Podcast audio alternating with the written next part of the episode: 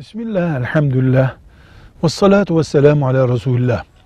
Makyaj, yani daha güzelleşmek için deriye yapılan müdahale, eğer abdest organları açısından bir bölgedeyse, gusül söz konusu olduğunda bedenin herhangi bir yerindeyse bu makyaj dediğimiz malzeme, altına sıvıyı, suyu geçirmeyecek şekilde tabaka oluşturuyorsa makyaj ya abdeste engel oluyordur ya gusle engel oluyordur. Mesela makyajlı iken gusle diyoruz.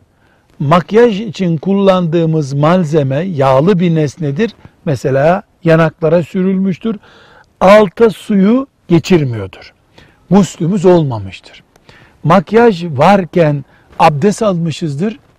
Mesela parmaklarımızdaki bir makyaj, yüzdeki bir makyaj veya e, göz altında kullanılan bir dolgu makyajı bizim abdest suyumuzu derimize ulaştırmıyordur. Bu bir milimetre karelik bir yerde olsa böyle, yüzün tamamı kuru kalacak şekilde de olsa böyledir.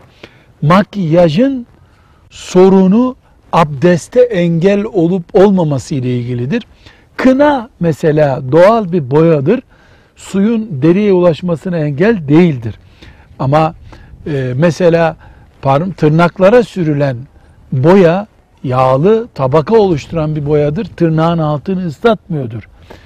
Kına abdeste zarar vermiyor. E, tırnağa sürülen veriliyor. Yüze kullanılan malzemelerde böyledir. Mesele makyaj meselesi değil, makyajla abdest alma, gusletme meselesidir. Velhamdülillahi Rabbil Alemin.